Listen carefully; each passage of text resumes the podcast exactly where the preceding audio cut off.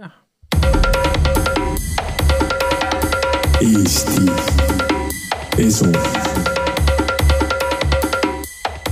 nii, tervist, head kuulajad, alustab äh, Eesti Eso järjekordselt. mõni saade tagasi siin käis mul külas äh, Marju Kõivupuu, kellega rääkisime Eesti, äh, Eesti loo tontidest ja, ja krattidest ja miks läheb maja põlema ja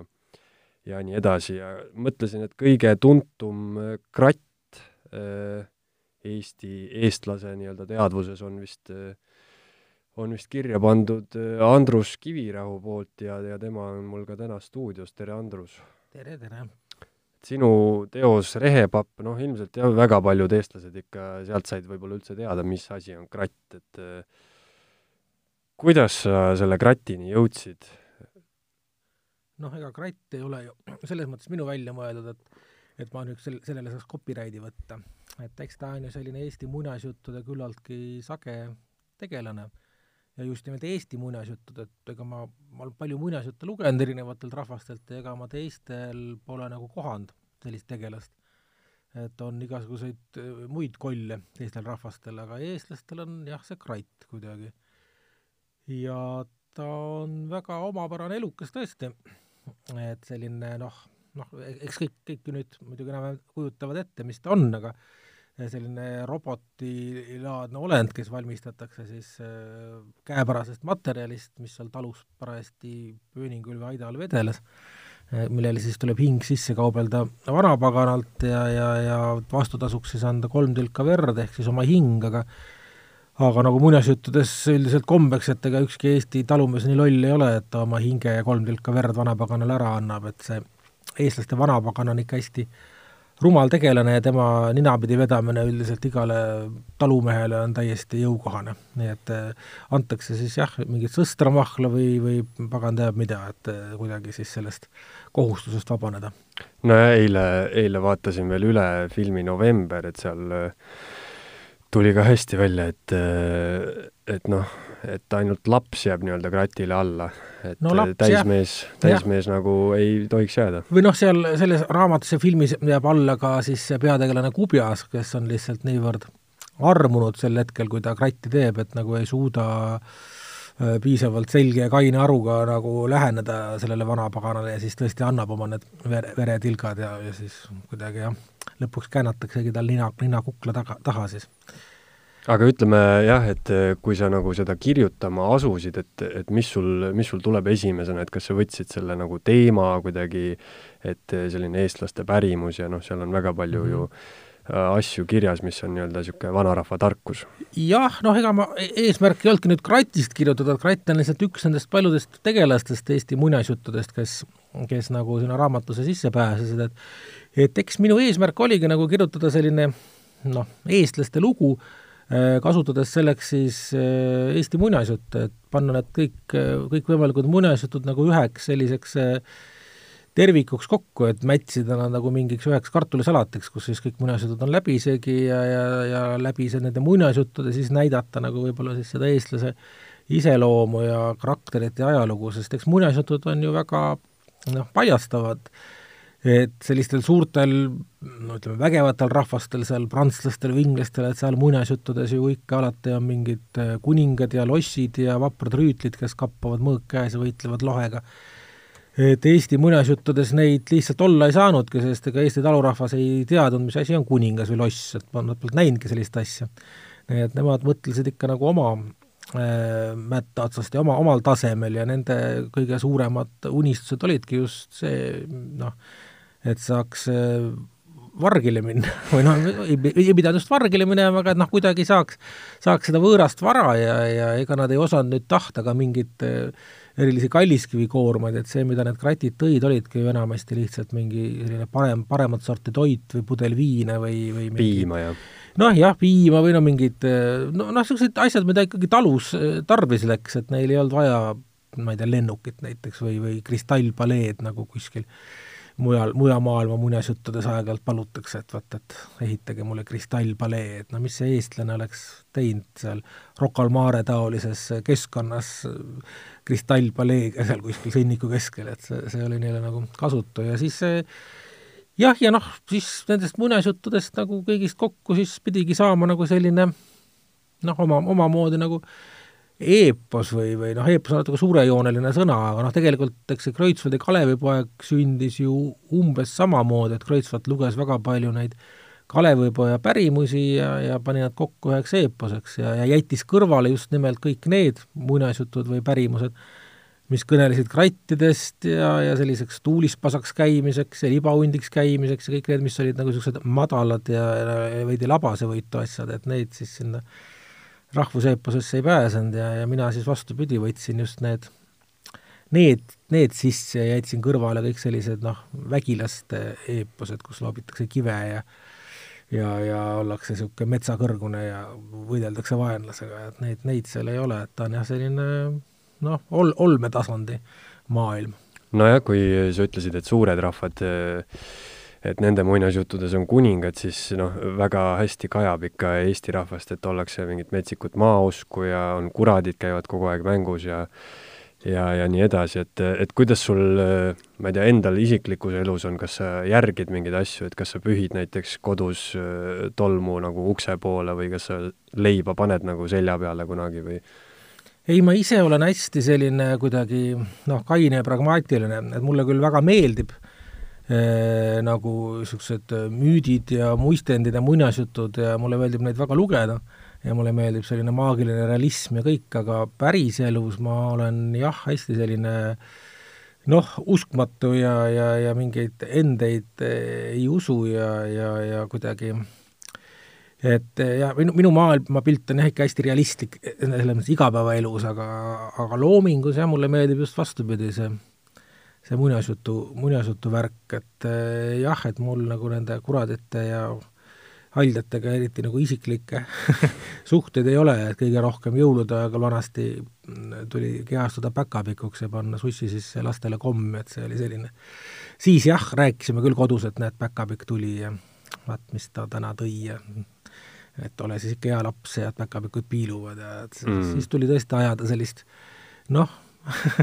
veidi, veidi, veidi veidrat jura jah, aga, aga jah, aga see aeg lõpeb ka niipea, kui lapsed mingi hetk kooli lähevad, siis seal neid valgustatakse, et ja, ja ma kuul-, kuulsin äh, selle jõuluvana uskumise kohta, et äh, mingi õpetussõna lapsevanematele, et eh, sa ei taha kunagi, et sinu laps oleks nagu esimene, kes avaldab selle koolis, et jõuluvana ei ole olemas mm, -hmm. aga samas sa ei taha ka, et oleks viimane, kes sellest teada saab. et kuskil seal vahepeal võiks teada saada. Jah, kusjuures ma enda puhul nagu ei mäleta sellist mingit erilist traumat või, või noh, üldse niisugust hetke, et nüüd ma sain teada, et jõuluvana ei ole olemas, et see kuidagi, eh, kuidagi hästi orgaaniliselt vähemalt mulle kuidagi tekkis see teadmine, et seal ei olnud nagu mingit sellist, et et ma nüüd näen kuskil jõuluvana mantli all isa kingi näiteks ja siis on see mulle suur šokk või midagi sellist, et ta kuidagi iseenesest see noh, koos, koos nagu selle õhuga tuleb kuidagi lapse sisse see, teadmine. Kusjuures mina sain täpselt nende kingade järgi Aha, aru. aga kas see oli šokk sulle ei olnud vist tollal, aga mäletan lihtsalt mm, -hmm. et kingade järgi ma tuvastasin ära, et oli üks, üks sugulase mees tegi jõulumaa. no vot, meil vist tegelikult ei käinudki, kui ma nüüd hakkan mõtlema lapsena niimoodi kodus seda jõuluvana, ilmselt keegi ei viitsinud jännata mm.. et kõik tahtsid, isa tahtis istuda lauas ja viina võtta ja, ja, ja ei kutsutud ka mingeid onusid ja vanaisasid kuskilt, et lihtsalt nagu kingid olid juba kuuse all, et kui ta sinna said ja jõuluvanasid sai kohatud siis mingitel sellistel asutuse asutuse, noh, tollal, tollal tegelikult näärivanasid muidugi sai kohatud asutuse nääripidudel, et seal siis nad tulid ja kooli nääripeol ja noh, et selles mõttes jah, et mul väga niisugust intiimset suhet nendega lapsepõlves ei olnudki. jah, kui sa ütled, et sa ise kuraditesse ei usu, siis eh, noh, kindlasti ka üks põhjus, miks on eh, sinu raamatud saanud nagu nii suurt eh, või noh, see ongi nagu eestlaste mingisugune äh, pärimuse osa juba ongi see, et eh, ikkagi eestlastele on nii hullult on see sisse, sisse kuidagi jäänud, et tõesti noh, paljud tänapäevalgi on natuke närvis, kui nad hakkavad siis, ma ei tea, toas vilistama või midagi sellist, et et see on kuidagi nii eestlase osa, selline ebausk või selline mm -hmm. noh, mingisugused kuradilood ja sellised asjad, et, et noh, tõesti nagu käitutakse ja elatakse selle järgi, et, et kuidas sul see realistlik maailmavaade siis on tekkinud või, või sa ei ole kunagi lapsest peale ei ole juba uskunud väga? ei, ma jah, nagu niimoodi, minu jaoks on ikka kirjanduse elu olnud alati väga selgelt lahus ja ma ei tea, kas eestlased üldse seda noh, kuradit kui niisugust nii väga kardavad, et eestlaste muinasjuttudes on ju see ta ei ole nii kurat, vaid vanapagan, et ta on ju pigem ikkagi selline suhteliselt totter tegelane, kellega saadakse hakkama. et see nii-öelda kristlik kurat ja, ja see eestlaste vanapagan, need on ikka väga erinevad äh, tegelased, et väga veider oleks ette kujutada näiteks, et noh, kui võtta see Dante põrgu näiteks, mis on tõesti selline ju mingi metsik ja jõle koht, kus on mitu ringi ja mingid teemonid, et eestlastel on ju teatavasti Kalevipoeg käib põrgus, Kaval Ants käib tihti põrgus, et kujutada nüüd Kalevipoega või Kaval Antsu selles Dante põrgu keskkonnas oleks täiesti absurdne, et see, see põrgu, kus käisid Kalevipoeg ja Kaval Ants, need olid just niisugused noh, jällegi tavaline tare põhimõtteliselt, võib-olla veidi jõukam kui, kui keskmist, keskmise pärisorja oma, aga ikkagi noh, tore, et seal istusid mingid põrgupiigad puust laua taga ja, ja sealt siis andis sahvrist võis noh, head-paremat varastada, kavalants tassis põrgust vanapaganalt igast asju ära ja Kalevipoeg samuti seal põhimõtteliselt maadles, maadles sarviktaadiga, nii et noh, ta on selline nagu naabrimehe juures käimine, nagu Andres ja Piaru sisuliselt. Et sa lähed sinna, natuke madistad, lööd kannuga pähe teisele ja siis tuled sealt äh, hea noosiga ära ja, ja vahepeal veel võib-olla kabistad äh, põrgupiigasid, eks ole, et noh, et nad on nagu ka inimesed, aga natuke lihtsalt võib-olla teist sorti või et et, et, et noh, väiksed sarved on võib-olla seal kuskil mütsi all, aga, aga midagi muud vahet, muud vahet ju ei ole, et et eh, noh,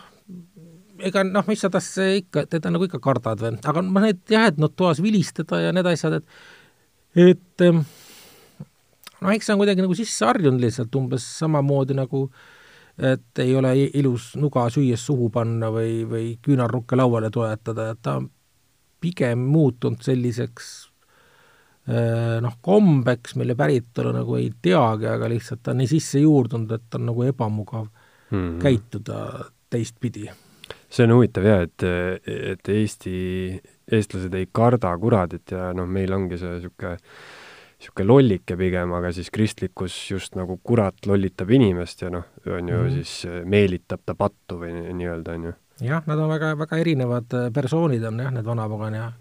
ja kurat ja, ja mulle tundub, et noh, eestlaste oma on kuidagi selline maisem ja, ja et äh, Eesti see rahvusk on üldse selline kuidagi noh, kuidagi selline mõnus ja, ja rahulik, et, et seal mingeid väga selliseid võikeid tegelasi ju ei ole. et no näiteks libahunt nendes Eesti muinasjuttudes, ta ka pigem ju selline mm, kelleks iga inimene võib ise oma tahtmist mööda moonduda, et selleks on olemas mingid salvid või võlusõnad ja sa saad selleks nagu korraks moonduda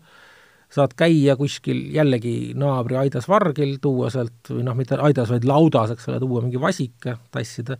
koju ja siis muutud jälle inimeseks ja hakkad seda vasikat või, või põrsas siis küpsetama. et see on nagu noh, poes või, või lihuniku juures käimine, kus sa lihtsalt muretsed mm -hmm. nagu süüa, et temas puudub see mingi teemonlikkus või et sa nagu vägisi, keegi on sind hammustanud ja siis igal täiskuu ööl moondud selleks libahundiks, kas sa tahad või ei taha ja saadad korda jõledaid tegusid, eks ole, et sellist libahunti nagu Eestis eh, ei ole, et on ikka jah, selline oma tahtmist mööda käimine. no ja välismaal on eh, libahunt on selline, ma ei tea, vampiiri, vampiiri igavene vaenlane, kes on ikka õudne,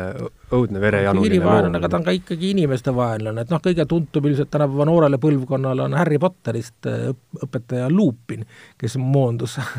moondus seal libahundiks aeg-ajalt ja, ja keda tuli nagu hoida, hoida siis kuskil kinni, et ta ei pääseks kurja tegema mm -hmm. sellele, kui ta libahunt on, aga selle vastu nagu mingit rohtu ei olnud, et Eesti muinasjuttudes ei ole midagi nii erilist, et keegi, keegi vahel libahundiks käib, et see on suhteliselt selline, see ei ole nagu isegi mingi patu või paha asi, et miks mitte vahel proovida. selline, ütleme siis Eesti pärimus on, on sul ikkagi läbi käinud, on ju mitmes teoses, et et rästikukeel ja, ja viimati praegu on mul pooleli Sinine sarvedega loom, seal on ka tegelane on äh,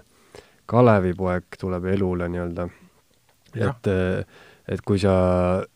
asud midagi, kas see on nagu sinu jaoks selline nagu viljakas pind, kus sonkida ja siis sealt hakata nagu kokku panema mingisugust lugu? Jah, ma arvan küll, noh mitte, et ma nüüd päris igas teoses tegeleks selle Eesti mütoloogiaga, aga ma arvan, et see on tõesti selline väga väga viljakas varasalv ja, ja, ja ega peale Eesti kirjaniku ju sealt keegi ei ammuta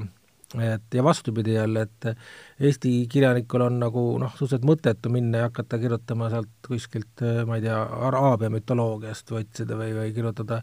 musketäridest raamatut või midagi sellist, et võiks ju tegeleda sellega, mis, mis sul olemas on, eks ole, et nii nagu äh, noh, Eesti ütleme, ehit-, ehitusel või, või söömisel või igal pool on soovitatud kasutada just nimelt kohalikku toorainet, et see on nagu see kõik see parem mm. -hmm. Eestis kasvanud kurk ja tomat ja, ja Eestist lõigatud mingi roog katusele panna ja et see on nagu see, ja samuti kirjutamisel ka, et võiks nagu võtta neid, eh, neid, neid teemasid või, või neid eh, tegelasi, kes meil siin ripakil on just nimelt kõik need kratid ja, ja, ja jah, mees, kes teadis Ussi sõnu, eks ole, et kõik need on ju nii põnevad ja ja vahvad need Eesti, Eesti müüdid ja, ja pärimused, et sealt nagu annab, annab ammutada, et eh, eks maailma kirjandus on ju eh, ja maalikunst üldse, kultuur on ju ammutanud ikka müütidest, et väga palju piiblimüütidest, väga palju antiikmüütidest, et, et meie siin eestlastena võiksime siis kasutada neid Eesti, Eesti müüte, et need no kindlasti see hoiab mm -hmm. ju, hoiab ju seda, seda Eesti lugu mingis mõttes ka elus, et kui sa paned selle ilukirjandusse, et et noh, kui keegi, keegi sellest midagi ei ammuta, kui keegi sellest ei kirjuta, siis see, siis see rästikute keel nagu kaobki ära. no absoluutselt jah, ja see Sinine sarvedega loo, mis sa praegu loed, et selle üks mõte ongi ju see, et, et kui sa nagu ei tegele, kui sa ei joonista neid eh, noh, neid kunstniku puhul kõiki neid Eesti muistendite tegelasi, Kalevipoega näiteks, et siis nad nagu kaovad või unustatakse, et, et, et kunstnik peab neile andma nagu selle vä välimuse. et eks me ju seda, milline Kalevipoeg on, paljus kujutamegi ju ette tänu sellele, et seal Oskar Kallis või hiljem Kristjan Raud või, või keegi teine on Kalevipoega joonistanud ja siis nagu tekib meil mingi pilt silme ette ja samamoodi äh, samamoodi mingite teiste müütiliste olenditega, et, et kes, kui neid on nagu kujutatud kujutavas kunstis, siis siis on kohe nagu pilt silme ees või noh, hiljem muidugi ka filmikunstis näiteks mm. -hmm. no ütleme jah, et eh, kui näiteks eh, nüüd siit võtame välja mingisugused ma ei tea, kirjanduse või raamatu mingid eesmärgid, siis üks on nagu hoida siin seda kultuuri, on ju, kindlasti keelt ja, ja noh, nagu Sinine sarvedega loom, et sellel on noh, mingi niisugune konkreetsem point ka, mis nagu siis aitab kaasa sellele üleüldisele kultuuri hoidmisele, on ju, aga mhm. et kuidas sinu arust on, kas raamatul peab olema midagi öelda? noh, eks tal ikka enamasti on midagi öelda, et ega raamatu kirjutamine on ju küllaltki aeganõudev ja tüütu tegevus, et, et äh, seda alustatakse ikka tavaliselt siis, kui kui sa tõesti tunned, et sul mingi asi kripeldab, mingisugune sõnum või, või noh, noh, muidugi võib ju ka lihtsalt mingit lugu pajatada, aga, aga noh, paratamatult ka selle looga ikkagi noh, midagi seal ju toimub ja mingid äh, hinnangud antakse ja mingid positsioonid võetakse, et et noh, midagi sa ikka ütled, iga, iga raamat midagi ju ikkagi ütleb, et kui mitte muud, siis noh, kas või seda, et ma ei tea, et parem on olla hea näiteks või mm -hmm. midagi sellist väga elementaarset. hea on hea. hea on hea, jah, et ma just lu-, loen praegu eh, Neil Gaimanil ilmus eesti keeles uus raamat, tema lühijutud ja seal on selline, mulle väga meeldis niisugune mingi mõte, et, et muinasjutud, eh, muinasjuttudes on väga palju tõde, et mit-, mitte see ei ole seal tingimata tõde, et on olemas lohed, aga et muinasjutu tõde on see, et lohedest on võimalik jagu saada nii et vot noh, seda tõde nagu muinasjutt edastab, et et ka kõige suuremast sellisest koledusest või ohust on võimalik eh, jagu saada. nojah, kõik eh, sellised lood on, on ju võimalik taandada ikkagi mingisuguse paari mingi tüüploo peale, et kas ta on seikluslugu, armastuslugu või, või tragöödia või noh, mis need on, on ju. no ikka, jah. et põhimõtteliselt eh, kõik oleks justkui kirjutatud, aga miks siis üldse veel midagi kirjutada Äh, eks see ongi selline lihtsalt haigus mm. või saatus, et lihtsalt äh, noh, mõne, mõni inimene ei saa ilma. et loomulikult äh, ma olen täitsa nõus sellega, et raamatukogud ja raamatupoed ja kõik kohad on tohutult raamatuid täis ja nende hulgas on hästi palju häid raamatuid ja me elu sees ei jõua noh, mingit kübetki nendest läbi lugeda, et häid raamatuid on nii palju, et, et vabalt võib el, kogu oma elu veeta neid lugedes ja midagi juurde tingimata ei ole vaja kirjutada, aga noh, lihtsalt jah, ma ütlen, et mõnel inimesel, mul endal kaasa arvatud, on see noh, hakkab kripeldama, kui, kui tükk aega ei ole midagi kirjutanud ja mingid mõtted ronivad pähe ja ainuke võimalus neist vabaneda on, on nad kirja panna. kuidas sa selle teadmiseni jõudsid üldse, kas sul oli selline asi, et lapsepõlves juba ütlesid, et ma tahan kirjanikuks saada? Noh, ma ei öelnud seda otseselt, see tundus kuidagi väga suureline ja upsakas mm, -hmm. et kui väike poiss käib ja nina püsti ja räägib, et ta kavatseb kirjanikuks hakata, see on kuidagi tobe. aga no mulle meeldis väga lugeda ja, ja, ja ja üsna varakult ka ma proovisin mingeid jutte kirjutada jah, et mulle, mulle on see kogu aeg ikkagi meeldinud. et õnneks siis, kui ma väike olin, et või noh, koolipoiss, et siis Eestis ilmus selline ajakiri nagu Pikker, naljaajakiri kuhu võis saata niisuguseid lühikesi naljajutukesi ja neid ma siis ikka treisin ja mõnikord avaldati ka mõni ja et noh, sealt sai nagu mingi niisuguse arusaama, et, et see, mis sa kirjutad, et see võib jõuda ka trükki, et see on mm. täiesti võimalik. kas äh, sinu arust on äh, kirjaniku töö, on ka lugemine või saab kirjutada niimoodi, et sa mitte midagi ei loe? Noh, ma ei ole proovinud, sest mulle endale meeldib väga lugeda, et võib-olla isegi ikkagi lugeda meeldib rohkem kui kirjutada isegi, aga, aga noh, lugemine on hea laisk töö, et kirjutamine tegelikult on ikkagi noh, jube no,. paras, mis, ta on ikka pinge, eks ole, et tegelikult noh, nagu, nagu igasugune töö, et tööd ikka üritad nagu edasi lükata mm. -hmm. et arvuti taha istumine ja, ja siis, kui juba kirjutad, siis on juba okei okay,, aga just see alustamine on raske, aga lugemine on väga mõnus, viskad diivanile sirakile ja võtad mingi raamatu ja, ja loed nii et no ma arvan, et ikkagi jah, võiks lugeda, et see on nagu noh, kirjanikuks ju ei õpita, niisugust kooli ei ole, et see ongi nagu ainult ilmselt siis teiste raamatute lugemisega nagu saad teada, kuidas üldse kirjutada on võimalik, mis variandid on, eks ole, et et kas, kuidas, kuidas need stiilid ja sõnad ja värgid ja kuidas nad kõik tulevad. nojah, lihtsalt see ilmselt on kirjanikega juhtunud nagu nagu selline inflatsioon nagu, nagu kõigega, on ju, et eh, põhimõtteliselt igaüks võib olla tänapäeval kirjanik, kunagi see tundus selline noh, nagu sa ütlesid ka, et, et sulle võib-olla lapsepõlves äh, tundus, et oleks upsakas öelda, et ma olen kirjanik, et siis tundus ikkagi see selline noh, tõsine ja kõrge kultuuriametikoht mm, -hmm. on ju. et noh, tänapäeval sa ei pea lugema, sa ei pea keegi ei pea sind valima, et nüüd avaldame sinu jutu, vaid sa võid ise avaldada ja võid nimetada ennast kirjanikuks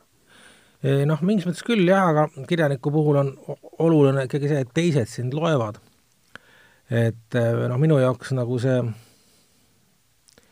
noh, mingi, mingi kriteerium, et eh, kes on kirjanik, see nagu, selle nagu annavadki teised inimesed, ehk siis lugejad.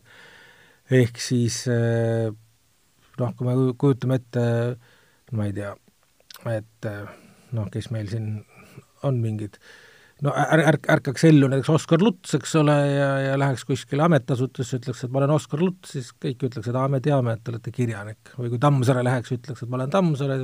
teame, et ei pea ütlema oma elukutset, te olete kirjanik, et vot noh, sealt nagu tuleb see, aga kui sa äh, kui sind keegi ei tea, keegi pole lugenud, noh, siis sa ka ei ole tegelikult kirjanik. et no sealt oled, ah, paljude raamatute autor, aga aga mm -hmm. kui mhm. sind nagu ei tunnustata, teadvustata selle, no siis noh, siis sest pole nagu eriti kasu. kuidas sa sellesse kvaliteedi ja kvantiteedi suhtesse äh, suhtud, et, äh, et noh, ma ei tea, väga populaarsed kirjanikud nagu maailmas, keda loetakse palju äh,, aga võib-olla, ma ei tea, kas nad ei ole head kirjanikud, aga miks inimesed loevad? või, või siis, või siis mm, lugejate no. arv tähendab, et nad on ikkagi head? ma arvan, et tähendab ennekõike seda, et nad on vajalikud kirjanikud, et see hea on üldse selline väga noh, libe mõiste ja, ja mis mõne jaoks on hea, teise jaoks on halb, et see on nagu mingi toiduga, et mõni ei võta mingit toitu suu sissegi, teine kiidab taevani, eks ole, et kirjanikega on ka nii ja, ja noh, üldiselt ikkagi noh, ikkagi ka klassikud on ju ikkagi need, keda, keda ikkagi loetakse. et, et noh, võib-olla neid ei loeta nagu neid pidevalt, aga on mingitel ajajärkudel väga palju loetud. Noh, eks iga kirjandus natuke vananeb ja, ja, ja mingil hetkel tema lugejaskond väheneb igal kirjanikul, aga, aga mingil hetkel nad on ikkagi olnud loetavad ja ja noh, raske on ette kujutada sellist kirjanikku, kes on nüüd väga auhinnatud, tunnustatud, aga keda üldse peaaegu ei loeta, et see on nagu noh, sisuliselt võimatu, et ikkagi auhinnad ja asjad toovad kaasa suurema loetuse ja, ja noh, noh, ikkagi, ikkagi on nii, et et, et see luge-, lugemine on ikkagi oluline kirjaniku puhul, et no see kirjanik tundub siis ikkagi nagu mingisugune rahvasaadik, et rahvas nii-öelda valib, kes on kirjanik, on ju, oma mm., oma lugemisharjumustega. jah, aga noh, eks see ongi ju tema ülesanne nii-öelda, noh, kõlab pateetiliselt, aga noh, ütleme, teenida rahvast või noh, selles mõttes anda talle mingit noh, et see on nagu see õigustus mm. -hmm. minu jaoks on see kindlasti nagu alati kõige sellisem eh, sümpaatsem, palju sümpaatsem kui mingi kirjandusauhind, mis, mida on ka ju tore saada, aga kui tuleb su juurde mingi inimene, keda sa üldse ei tunne, ja, ja või eriti veel mingi laps näiteks ja ütleb, et mulle õudselt vaat see raamat meeldis, et ma mitu korda olen seda lugenud, et aitäh, et noh, see on nagu see, mis nagu õigustab seda kirjutamist üldse või annab sellele nagu mingi mõtte, et et auhinnad on ikka, noh, žüriis on võib-olla sul on tuttavad seal ja siis saad selle auhinna ja võib-olla ei saa jälle, vaenlased seal või kuidagi nii ja naa, aga, aga see niisugune aus äh, suhe, mis, mis vastu tuleb kuskilt suvalisest inimesest, kes lihtsalt nagu peab vajalikuks sulle midagi head öelda, et see on nagu hästi armas mm. -hmm. rääkides klassikutest, siis äh, ma ei teagi, kas maksab sinu käest küsida, mis on sinu lemmikraamat? ei, vist ei maksa jah, sest et neid on ju nii palju ja, ja et see üks nüüd välja tuua oleks väga, väga keeruline. kas sul on näiteks mingisugune lemmikriik või regioon või midagi sellist või, või sa eelistad kodumaist, et Eesti kirjanikest ikkagi? ei, ma arvan, et jah, ei noh, ütleme Eesti kirjandusest kindlasti on, on mitmeid olulisi autoreid, aga ei, mul väga niisugust ei ole, et võib-olla vene kirjandus on selline, mis on kuidagi mulle jäänud. Äh, Äh, alates juba nendest vene klassikutest, seal Dostojevski, Gogol, Bulgakov, Ilf Petrov, nii edasi, nii edasi, Tšehhov ja, ja, ja kes nad seal kõik on, et ja, ja ka tänapäeva vene kirjandus on noh, pigem selline mm, kindla peale minek minu jaoks, et kui on mingi tundmatu autor, aga kui ta on venelane, vene keelest tõlgitud, vene, vene keeles nii hästi ei loe, et ma ikkagi loen eesti keelde tõlgitult neid, et siis ma nagu usaldan seda, et see, mis tuleb nagu inglise, prantsuse, saksa kirjandused, seal võib nii ja naa olla, aga venelastel midagi on, mis mulle meeldib, et nende mingi huumorimeel või mingi niisugune natuke niisugune mõnusalt või veidi lodev maailmatunnetus või et noh, see, see kuidagi mulle nagu harmoneerub, et ma e, tihtipeale ei pettu vene kirjanduses, isegi kui ma ei tea sellest autorist varem midagi. mingi maik seal vist on, ma mäletan, ma ise, kui ma noorena lugesin vene, vene kirjanikke, siis ma, ma vist nendel kirjanikel nagu väga vahet ei teinudki, aga seal oli noh, mingi, sa said aru, et see on mm -hmm. nagu vene, vene kirjandus. jah, no ega see kirjanikust, kirjanike vahet tegemine, see pole kõige olulisem, peaasi, et see raamat sulle meeldib, et ega see pole üldse nii tähtis alati, et inimene oskab öelda, kes selle raamatu autor nüüd oli, et peaasi, et ta leidis niisuguse mõnusa, mõnusa lugemise endale. jaa, aga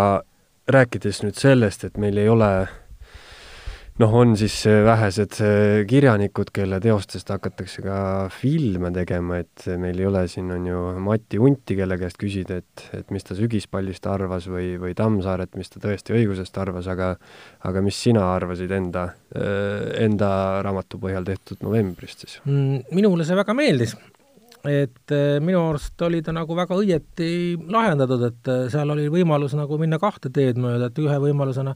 oleks võinud sellest rehepapist teha ka sellise väga äh, värvika külakomöödia, kus äh, noh, tõesti on niisugused, üks koomiline stseen ajab teist taga. Ja, ja kogu aeg keegi varastab ja jookseb ja, ja niisugune möll käib, aga Sarnet valis nagu just selle nagu sellise noh, müstilisema ja lüürilisema poole, mis seal ju täiesti olemas on, et sealt ju kogu aeg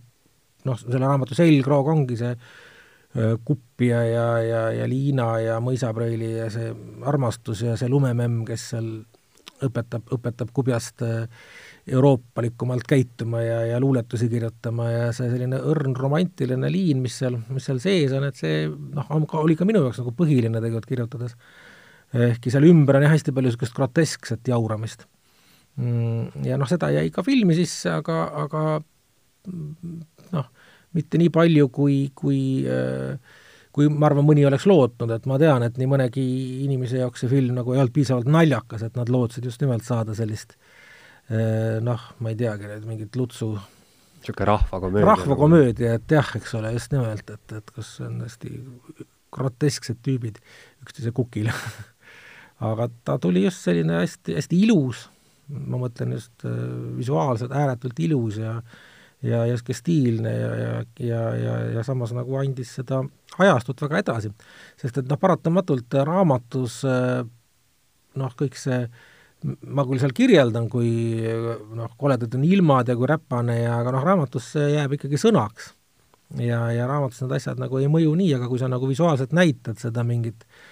räpast äh, taret, kust valgust praktiliselt ei ole ja, ja, ja kogu seda noh, kuidagi trööstitud maastikku, et siis ta mõjub hoopis teistmoodi. no eks neil kunstivormidel on on vist seesama asi, et seal ei tasu ka nimetada, mis on, mis on hea ja mis on halb, et kõigil on omad, omad on ju tugevused ja miinused, et, et raamat on mingis mõttes kuidagi detailsem või sa lähed sinna mm -hmm. sisse, noh, juba see aeg, et millal see, kui kaua sa raamatu taga oled, see on pikem, kui sa oled, on ju, kahetunnise filmi taga. jah, ja noh, sa raamatusse loomulikult saad ju panna palju rohkem tegelasi ja sündmusi ja et filmis sa paratamatult pead äh, tegema väga, väga karmi valiku. midagi peab jah välja lõikama mm. -hmm aga jaa, et noh, tihti räägitakse, mingisugused kõvad raamatufännid äh, räägivad siis äh, filmi, filme tehakse nagu maha, et, et kuidagi film äh, kas siis lõikab liiga palju välja või, või ei ole täpselt see, mida nagu inimene ootab, et et noh, ma kujutan ette ka, et võib-olla võib-olla siin kedagi maha tegemata, aga inimene, kel, kelle üks kahest raamatust, mis ta elus lugenud on, on Rehepapp ja siis ta läheb kinno seda vaatama, siis ta võib-olla ei olnud ka päris see, mis ta ootas. täitsa arusaadav, et see, see ongi nii loomulikult, et et noh, tegelikult, tegelikult ju midagi sarnast juhtus võib-olla kunagi äh, viiskümmend aastat tagasi Kevade filmiga, mis ju ka ilmselt erineb sellest äh, kogemusest, mida paljud inimesed Kevade raamatut lugedes saavad, et nad need Arno kohad tihtipeale jätavad vahele, et seal, kus on Köster, Kiir ja, ja Toots, eks ole, et see on nagu see ja noh, see kevade traditsioon oli ka see, et varem, kui seda lavastati teatrites juba kolmekümnendatel ja hiljem, et siis põhiline peategelane oli ka alati Toots, kes siis jauras Köstri ja Kiirega, ta oligi selline noh, väga naljakas ja, ja väga niisugune noh, pöörane tagaajamiskomöödia. Ja siis see Kruusemändi Kevade vastupidi jälle, et see keskendus Arnole ja, ja sellisele noh, mingi selle esimesele noorele armastusele ja ja ma arvan, et ka see võis nii mõndagi inimest algul nagu häirida, et, et miks siis miks peategelane ikkagi, miks Toots ei ole igas kaadris, et, et nii palju vempe jäi ju veel filmist välja, mida kõik mm -hmm. oleks saanud sisse panna sinna. liiga melanhoolne. liiga melanhoolne jah, ja selline, mis need on, mingid suured, suured Arno silmad ja taevas sõudvad pilved ja et aga tegelikult see on just luts, et see ongi luts, sest luts mm -hmm. ongi hästi see sentimentaalne, lüüriline ja tegelikult äh, Kevade ongi ju ikkagi Arno lugu ja ja, ja sellisena ongi ta ju kirjutatud, nii et et ma arvan, et kui raamat nagu või film on nagu raamatu, tabab seda raamatu pointi, et siis võib sellega rahul olla, aga, aga ma ise olen ka tihtipeale läinud vaatama mingit oma lemmikraamatu järgi tehtud filmi ja väga pettunud, sest et ta äh, see film just ei ole tabanud seda pointi, vaid on läinud mingisuguse seikluslikkuse või nalja või selle peale, mõelnud juurde mingit noh, et selleks oleks rohkem action'it või värke, et seda nagu, see mind häirib küll, kui nagu võetakse mingi hea raamat ja siis noh, tihtipeale just nimelt Hollywoodis tehakse sellest mingi selline tüüpiline action film nojah, e-, Eesti filmidele kogu aeg heidetakse ette, et need on nii melanhoolsed ja depressiivsed ja hallid, aga, aga noh, ma ei tea, kas siin ongi muud moodi filmi võimalik teha? Äh, noh, küllap ikka on vast ka, aga et aga... isegi komöödia peab olema teatavas mõttes melanhoolne? Jah, komöödiale annab see väga palju juurde, et mulle väga just meeldib selles mõttes, noh näiteks Chaplin, kus on äh, tegelikult hästi kurb kogu aeg ju, et see, mis toimub, on, kui sa hakkad järele mõtlema, on see äärmiselt kurb ja samas on kogu aeg naljakas. ja, ja ka need klassikalised vene komöödiad on tihtipeale sellised, et et mida nõukaajal tehti, et seal on ka see lüüriline pool on kogu aeg all. ja noh, tegelikult see annab nagu hingamisruumi, et kui on kogu aeg üks nali teise otsa, siis see tüütab ja väsitab üsna ruttu ära. Et ta peaks olema nagu timmitud, et vahepeal on nukram hetk ja siis saab jälle korraks nalja ja siis on jälle rahulikum episood ja noh, nii, nii nagu selline tragikomöödia on nagu minu noh, lemmikžanr kindlasti ikkagi, et ta ei ole nagu niisugune laus irvitamine poolteist tundi järjest, vaid on nagu kõike. no ja sellest tuleb vist ka üks äh ma ei tea, üks suurimaid komplimente, mida vist inimesed teevad pärast kinost väljatulekut, et sai nutta ja sai naerda. jah, no see oleks väga, väga tore jah et jah. aga kuidas, kui sellest kirjutamisprotsessist rääkida, sa ütlesid, et see on jube vaevaline, et et kuidas, kuidas sul see algab, kuidas sa näiteks võtad romaani ette ja kuidas sa seda kirjutama hakkad? Mis sul tekib esimesena, kuidas see protsess algab, kas sa kirjutad sada korda ümber mingeid lõike? ei, ma väga ümber ei kirjuta väga palju, et ma ikkagi suhteliselt nii, ma kirjutan päevas küllaltki vähe, aga see-eest noh, niimoodi intensiivselt või kuidagi, et äh, see, mis valmib, enamasti umbes nii ka jääb lõpuks. et ähm, noh, eks ta on nii ja naa, et no põhimõtteliselt algul on mingi niisugune välk idee, et ja siis sa saad aru, et nüüd sa oled selle konksu otsas ja sealt enam lahti ei saa ja siis sa käid ja mõtiskled seda mõtet ja arendad peas ja, ja niimoodi võib minna isegi mitu aastat. ja siis lõpuks hakkad kirjutama. ja no siis kirjutad. millega sa, kui sa peaksid romaani millegiga võrdlema, me siin äh, Heinsaar Mehisega ka otsisime igasugu võrdlusi sellele, et, et kas ta on mingisugune puujuurestik või on ta ookean või on ta mingi saarestik või, või millega sa nagu võrdleksid, et et ma mõtlen, kui sul tuleb see välk idee, siis sa hakkad sinna mm -hmm. ümber ehitama, on ju, siis ta hakkab või ta on jah, mingi inimese luustik või no see välkidee on umbes, seda võib kirjeldada umbes nii, et nagu korraks pannakse toas tuli põlema üheks sekundiks mm. -hmm. et sa nagu näed teda korraks, seda, aga no sul ei jää mitte midagi eriti meelde, aga mingi üldpilt, vaat siis sa pead hakkama nagu taastama seda peas, et mis seal toas siis oli täpselt. et seal on hästi palju kolu, eks ole, aga kus täpselt mida oli, mis, et see esimene pilt nagu on korraks nagu kõik on selge ja, ja järgmine hetk on jälle pime, aga jääb see mälestus sellest, sellest hetkest ja siis tuleb kuidagi jah taastada, aga, aga nüüd ja noh, samas just nimelt see inimlik laiskus, et tegelikult ju see on, sa tead, et see on päris suur töö ja, ja noh, kui mina romaani kirjutan, siis ma tõesti ikka iga päev kirjutan natuke edasi seda, et muidu ta ei saa iial valmis, et sa mingi distsipliini pead enesele kehtestama. et iga päev ikkagi seal mingi tund või paar istud arvuti taga. ja, ja, ja noh, võib-olla ka paned endale mingi mitu, mitu niisugust arvutilehekülge või mitu tähemärki päevas, vaid kuidagi üritad seda ikkagi nagu järgida. ja sa tead, et see on tüütu tegelikult järgida niisugust asja, seetõttu sa lükkad seda kogu aeg edasi ja, ja lihtsalt mingi hetk see noh, ta on sul juba nii, sa oled tast nii läbi imbunud, et sa peatad hakkama kirjutama, sest et muidu sest muidu sa tead, et noh, sa ei pääse tast ilma mööda, et sa selleks, et saada jälle normaalset elu elada, et ei peaks mõtlema kõige selle peale, tuleb see mingi etapp, see on nagu remont, mis tuleb ära teha mingi hetk mm -hmm. lihtsalt ehkki noh, sel hetkel, kui kirjutada, on tore, aga just see igahommikune, et nüüd noh, jälle natuke ja, ja siis, siis nii edasi ja jah, aga noh, mis ma ikka kurdan, et et ma arvan, et on tegelikult äh, ikkagi küllaltki küllaltki meeldiv töö võrreldes äh, väga paljude töödega, mida inimesed päevast päeva, päevast päeva teevad kuskil kaheksa tundi tehases või või leti taga, et see jah, pole, pole põhjust vinguda. eks neil on jah, ma arvan, samasugune võib-olla tunne, et väga ei taha minna. no ega keegi tööd ei taha teha, et mm see on mhm. ikka selline, et alati on nagu puhata ja, ja külas käia meeldivam.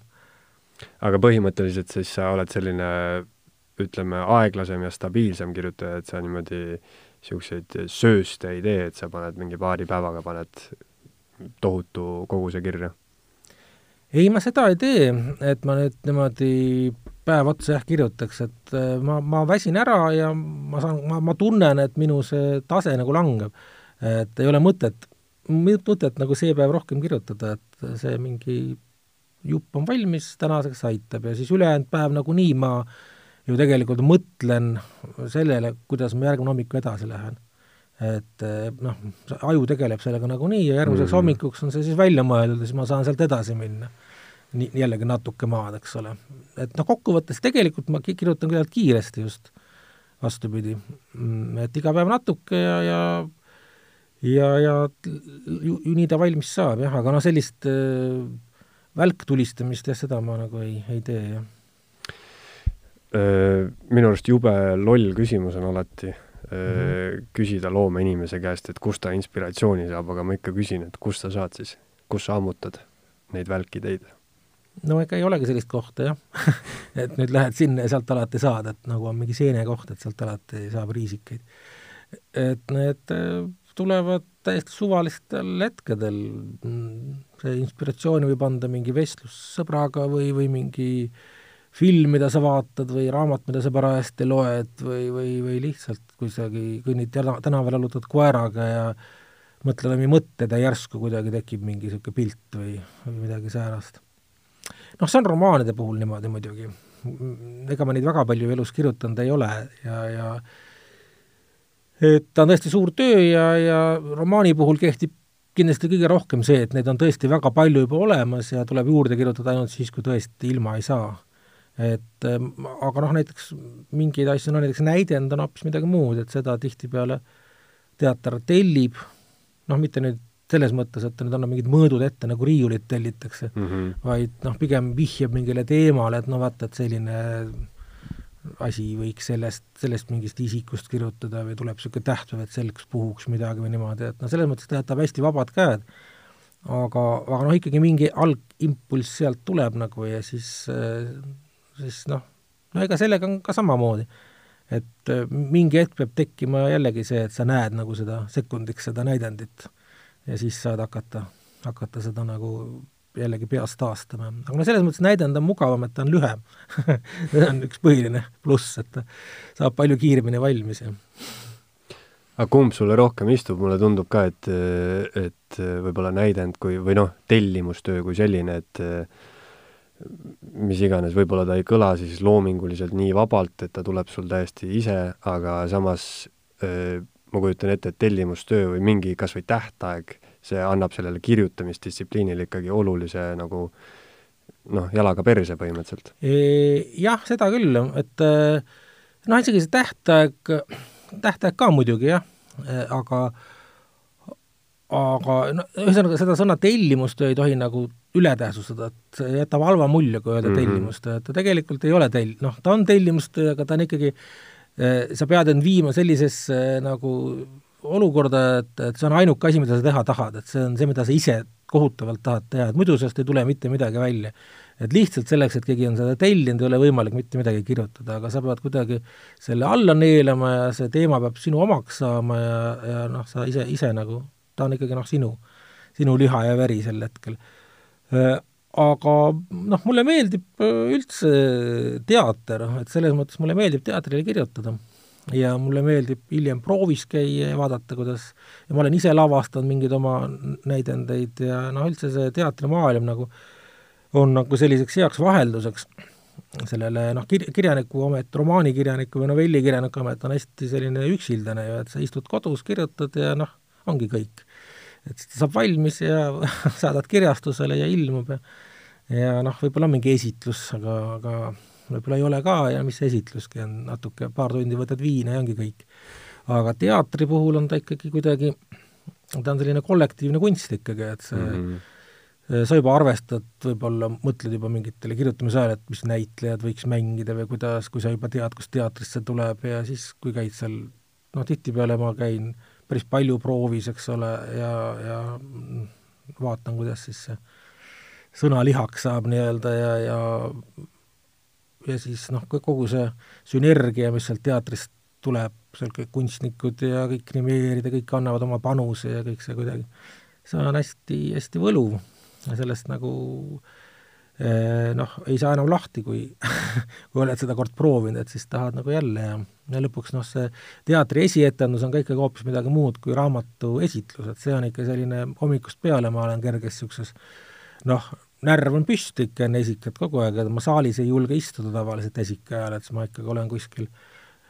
tagaruumides ja võtan juba viina vaikselt, et, et, et närvi maha saada.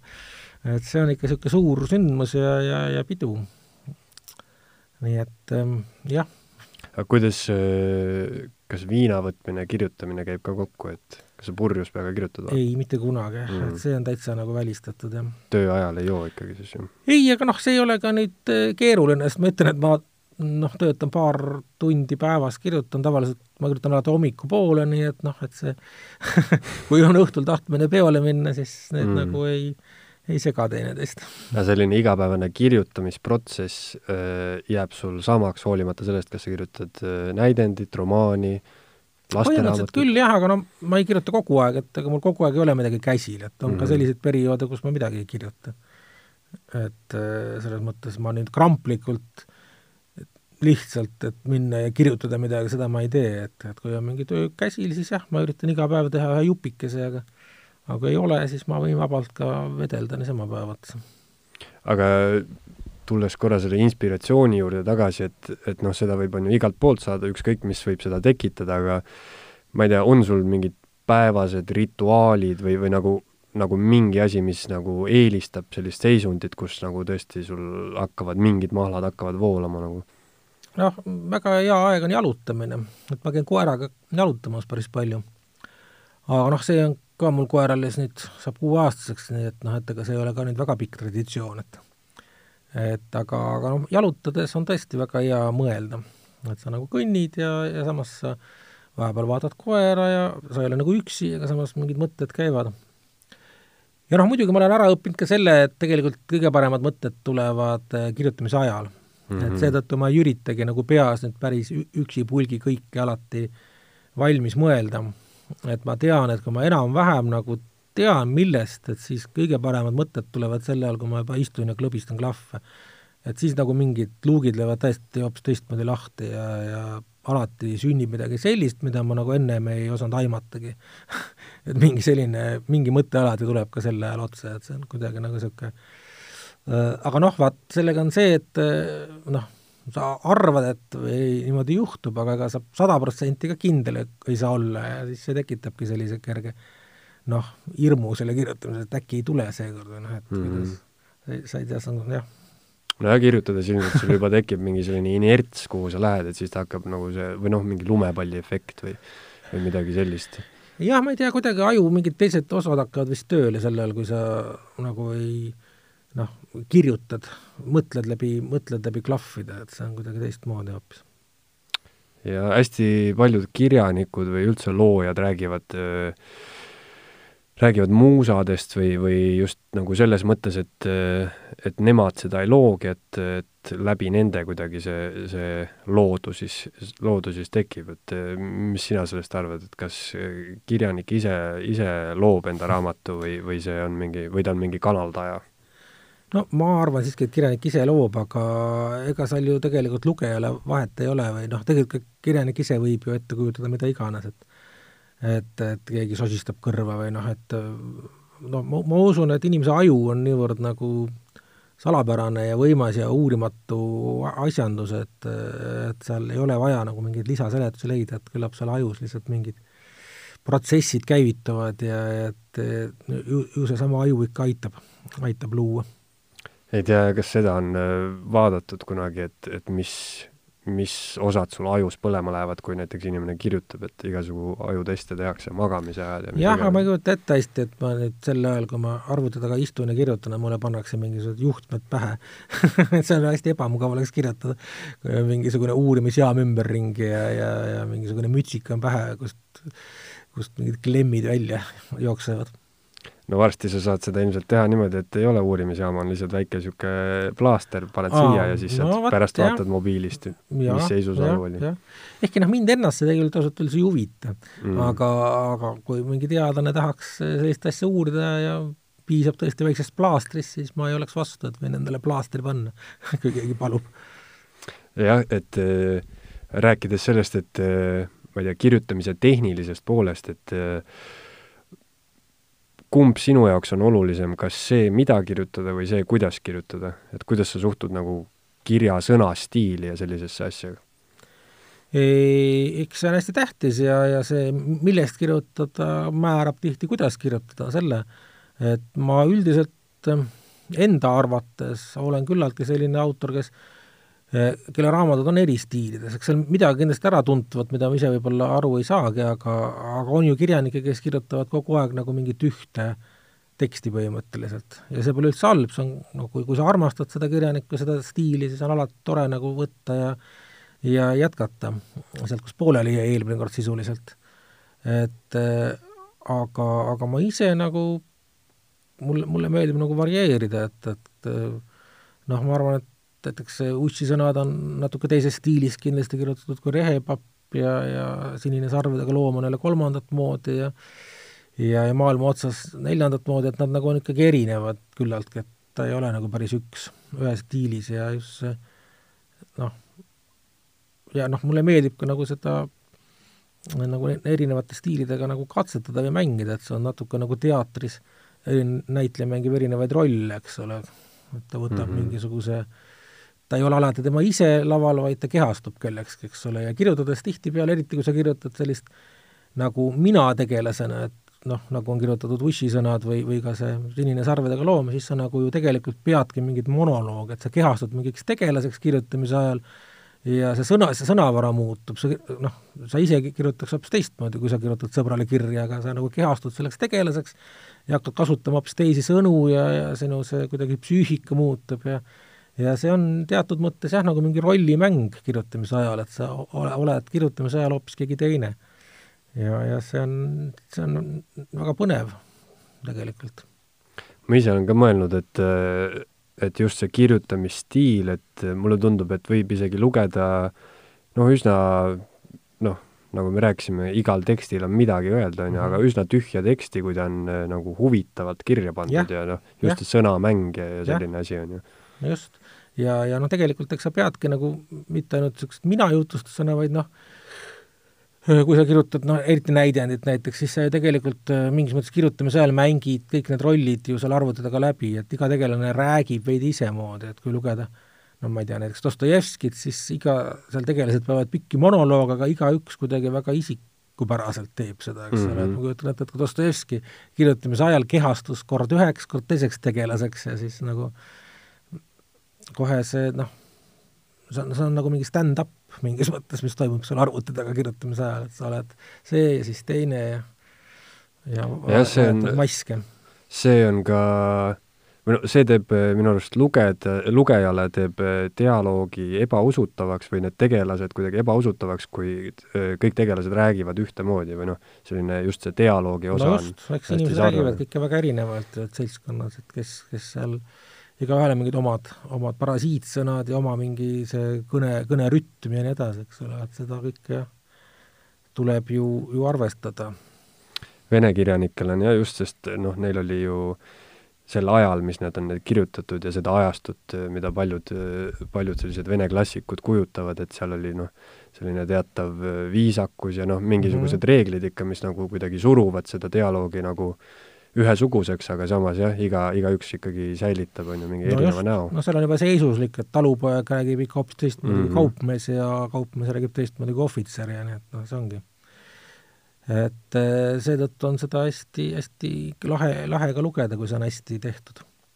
jah, samas ja siis on seal, on ju mingisugune selline balanss ka, et noh, arvestades nagu kirjakeelt, et et eh, see võib olla küll tõene, aga ütleme, kui ma otse, otse, iga otsekõne küsimuse lõppu nagu kirjutan raamatusse väe, on ju mm, -hmm. et siis noh, mingi hetk sa ei, lugedes vähemalt ära. tüütab ära. ta tüütab ära jah, et ta on ikka kirjalik tekst, aga et sa pead nagu suutma seda noh, seda omapära anda niimoodi, et sa just nimelt neid väesid ja mäesid ei topi sinna liiga palju, et mm -hmm. jah, noh, tegelikult on see ka teatrilaval, et kui näitleja mängib kokutajat näiteks, siis piisab, kui ta eh, esimene kord ilmudes lavale noh, kokutab aeg-ajalt ja, ja mida edasi, seda vähem ta seda tegema peab, et nagu vaataja saalis on juba harjunud sellega, et tegemist on kokutajaga ja et piisab, kui ta nüüd üliharva seda markeerib, aga, aga noh, et algul annab selle märgi kätte ja kui ta kogu aeg lõpuni samas tempos jätkaks, et siis see tüütaks jällegi publiku saalis ära jaa. Rääkides kirjaniku ametist, siis millegipärast mul on jäänud mulje, et no ütleme, ideaalmaailmas, kui sa oled Eesti kirjanik ja kui kõik inimesed loevad sinu raamatuid, siis miljon inimest ostab sinu raamatu, on ju. aga mul on jäänud mulje, et Eestis on mingi võib-olla kümme, kakskümmend sellist kirjanikku, kes päriselt ka tõesti elatuvad ainult kirjutamisest, et enamus tundub, teevad ikka kõrvalt üht-teist ja, ja nii edasi, et, et kuidas sa sellesse kirjandusmaastikku Eestis suhtud, et on võimalik ära elada kirjanikuna? noh, eks see sõltub, mida sa nüüd kirjutad, eks ole, et mina tegelikult ju ka, ega ma ei kirjuta ainult raamatuid. et äh, lõppude lõpuks ma olen Päevalehes palgal, kirjutan iga nädal ka kolumni äh, ja, ja siis äh, äh et noh, eks ma, ega ma midagi muud tõesti ei tee, et eks ma ikka kirjutamisest, kirjutamisest ära elan, aga, aga noh, just nimelt, et seal on nagu erinevad asjad, et kui sa oled tõesti puhtalt ainult luuletaja ja avaldad no isegi kord aastas luulekogu, mida on väga palju, üldiselt nii sageli ei suuda, et no siis muidugi sa ei ela sellest ära. et siis sa ikkagi pead kirjutama artikleid või, või õpetama kuskil või mida iganes, et eks, eks neid päris puhtaid kirjanikke on ju alati olnud suhteliselt vähe üle, üle ilma, et ikka nad on tihtipeale olnud ka ajakirjanikud või lugenud mingeid loenguid kirjandusest või, või, või teinud mida iganes, et et see eeldab jah, ikkagi väga suuri tiraaže, et nüüd ainult ütleme, romaanidest ära elada mm. -hmm. no ja sellised on ikka väga-väga vähesed, on ju, kes ongi maailmakuulsad siis ütleme sul, sul ei ole mingisuguseid maailma vallutusplaane, et äh, ma ei tea, õppida ära näiteks inglise keeles kirjutamine ja hakata inglisekeelseid äh, raamatuid kirjutama? ei, see ei ole nagu üldse minu jaoks äh, oluline, et, et ma tegelikult olen täiesti, oleks täiesti rahul, kui kui mul oleks miljon lugejat ja kõik, nagu sa ütlesid, kõik need eestlased ostaks selle, no isegi ei pea ostma alati, eks ole, et perekond ostab ja siis laenavad üksteisele või võtavad mm -hmm. raamatukogust, aga et see, noh, et see on täiesti piisav, et minu jaoks see maailma vallutamine on umbes, umbes see, et kui sul on selline noh, ma ei tea, e-, elad oma perega mingis majas, kus on, ütleme, ma ei tea, neli, neli, oleneb laste arvust, neli-viis tuba ja siis järsku keegi pakuks sulle, et ma helist-, e-, ehitan sulle viiskümmend tuba juurde, et no milleks, tee nende viiekümne tubaga et see on samamoodi see maailma vallutamine, et et noh, mind täiesti rahuldab see Eesti kirjaniku staatus ja noh, eks mind on tõlgitud ka, aga ma arvan, et eks ta, eks, eks see looming on ikkagi nagu ennekõike noh, lähedastele ja oma rahva hulgast pärit inimestele täielikult mõistetav, et ega noh, kas või need ussisõnad, mida on ju tõlgitud, või rehepapp, et eestlane mõistab seda ikkagi hoopis teistmoodi, ma arvan, kui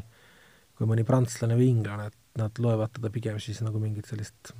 ma ei tea, fantasy't või mingit sellist mm, -hmm. et aga eestlase jaoks on seal mingi hoopis teine maik. huvitav, mis peab olema sellisel, et kas sellise romaani, mis saab järsku maailmakuulsaks, inimene on kirjutanud, noh, ma ei mäleta, üks romaan oli, mis oli mingi tüdruk, kes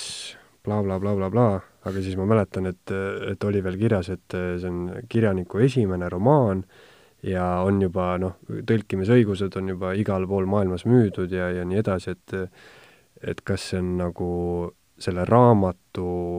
kas see raamat saab millelegi nii, nii teravale pihta, mida tõesti ei ole siis paljud saanud, või on seal taga ikkagi metsik selline turundustöö ja, ja agendid ja, ja kes iganes, CIA noh, alustame sellest, ma arvan, et esiteks see raamat peab olema kirjutatud inglise keeles äh, ennekõike, no võib-olla ka no prantsuse keel natuke võib-olla, aga no ikkagi ennekõike inglise keeles, et lihtsalt et teda saaks üle maailma kõik noh, on, on võimalik, väga paljud loevad teda ja soovivad tõlkida siis ka enda kodukeelde, eks ole, et see on nagu see põhiline, et eesti kirjanikul sellist äh, noh, see on tõesti võimatu, eks ole, lihtsalt neid inimesi, kes eesti keelt valdavad üle ilma tõlkijaid, neid ei ole lihtsalt nii palju mm. -hmm. et see on, ja noh, tõlkija, tõlkija okei okay,, võib-olla valdab seda, aga tõlkija peab selle ju maha müüma mingile välismaa kirjastusele. et ingliskeelset raamatut on lihtne müüa, ka kirjastaja loeb selle inglise keeles läbi ja ütleb, et jaa, miks mitte, tõlgime, avaldame. et eestikeelset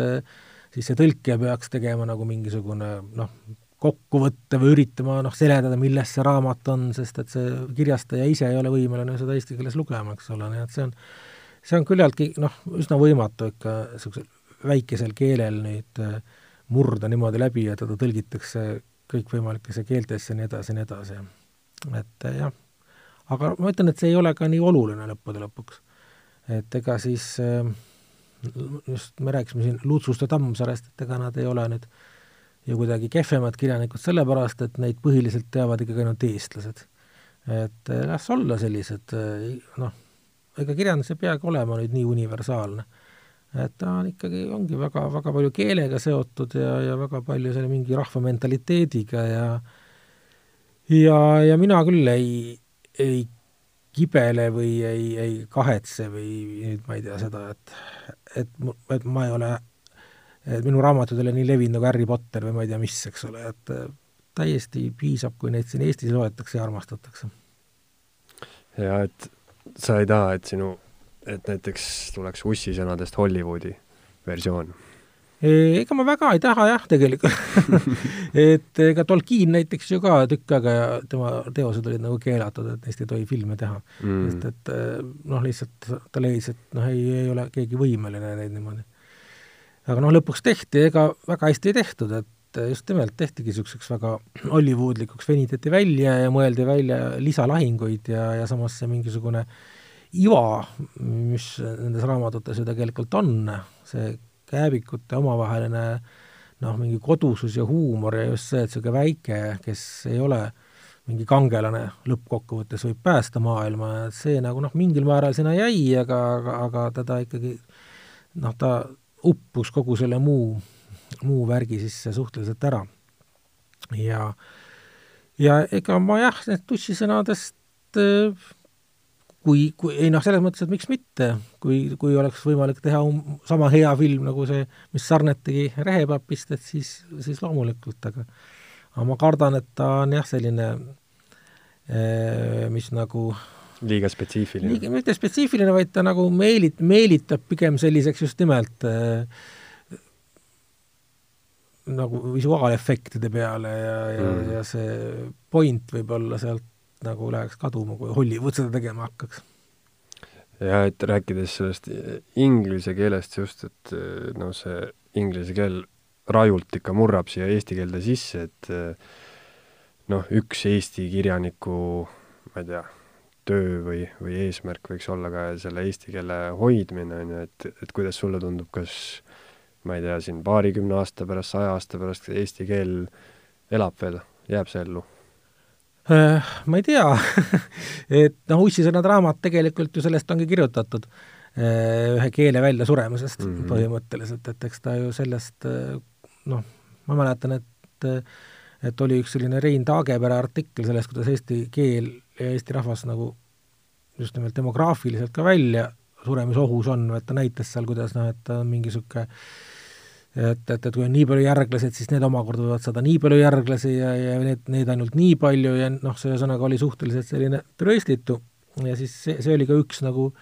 impulsse, miks see Ussisõnad raamat kirjutatud sai või kus see alg, mingi algtõuge sai, et näidata, kuidas üks rahvas või keel võib nagu välja surra, ehkki see mingi elujõud äh, selle põhjakonna näil, näol, kes seal kuskil magab ja keda oleks veel võimalik äratada, see on nagu alles, aga lihtsalt ei ole enam neid, selle keele kõnelejaid, kes suudaks nagu selle elujõu sealt maa alt välja tuua. et eh, noh, muidugi jah, ehkki noh, eesti keele olukord on ju olnud eh, ka varem üsna noh, nutune, et, et olid ju ajad, kui ikkagi iga haritud eestlane üritas rääkida saksa keeles oma pere, pererüppes naise ja lastega, et see oli nagu, et kui sa oled juba haritud, et siis räägi ikkagi saksa keeles kodus mm. -hmm ja noh, sellele tekkis mingi vastureaktsioon, hakati just nimelt ülikoolis ka mingid ringkonnad hakkasid nimme rääkima eesti keeles ja, ja ja eks neid noh, niisuguseid kriitilisi hetki on ju olnud, aga see keel on siiski nagu püsinud siiamaani ja ja ehk ta, ehk ta püsib veel, aga noh, ma ütlen, ega see ei ole ju mingisugune maailmakatastroof muidugi ju, kui nüüd üks